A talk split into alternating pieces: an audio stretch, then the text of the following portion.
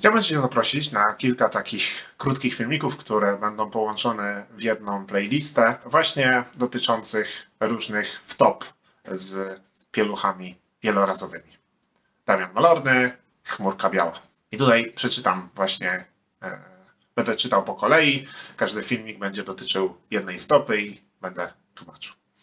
E, Krój wiaderkowy, kiedy mała miała około półtora roczku, teraz ponad dwa latka, krój bomba. Uwielbiam.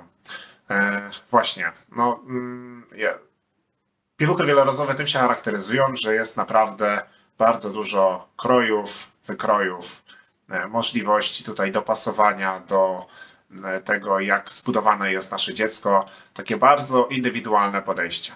To ma swoje plusy i minusy. No tutaj akurat właśnie e, osoba, która napisała ten komentarz, zdecydowanie doświadczyła minusów tego e, rozwiązania.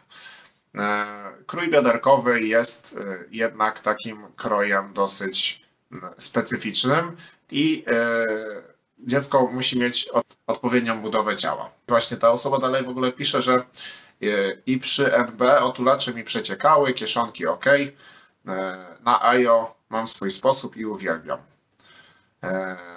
No, każdy musi gdzieś tam wybrać swój, swój krój, dlatego jestem zdecydowanym przeciwnikiem kupowania naraz e, całego zestawu. Bardziej e, rekomenduję tutaj stopniowe kompletowanie stosika w miarę e, upływu czasu, w miarę naszego doświadczenia.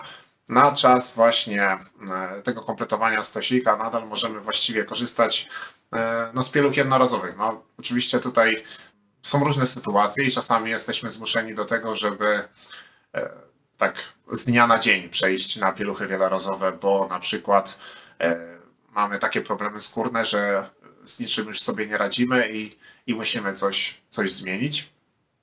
Natomiast e, zdecydowanie tutaj właśnie, jeżeli ktoś ma możliwość, to jestem zwolennikiem tego, żeby stopniowo kompletować swój stosik i na podstawie własnych doświadczeń budować tutaj e, odpowiednią ilość pieluch i kompletować ją.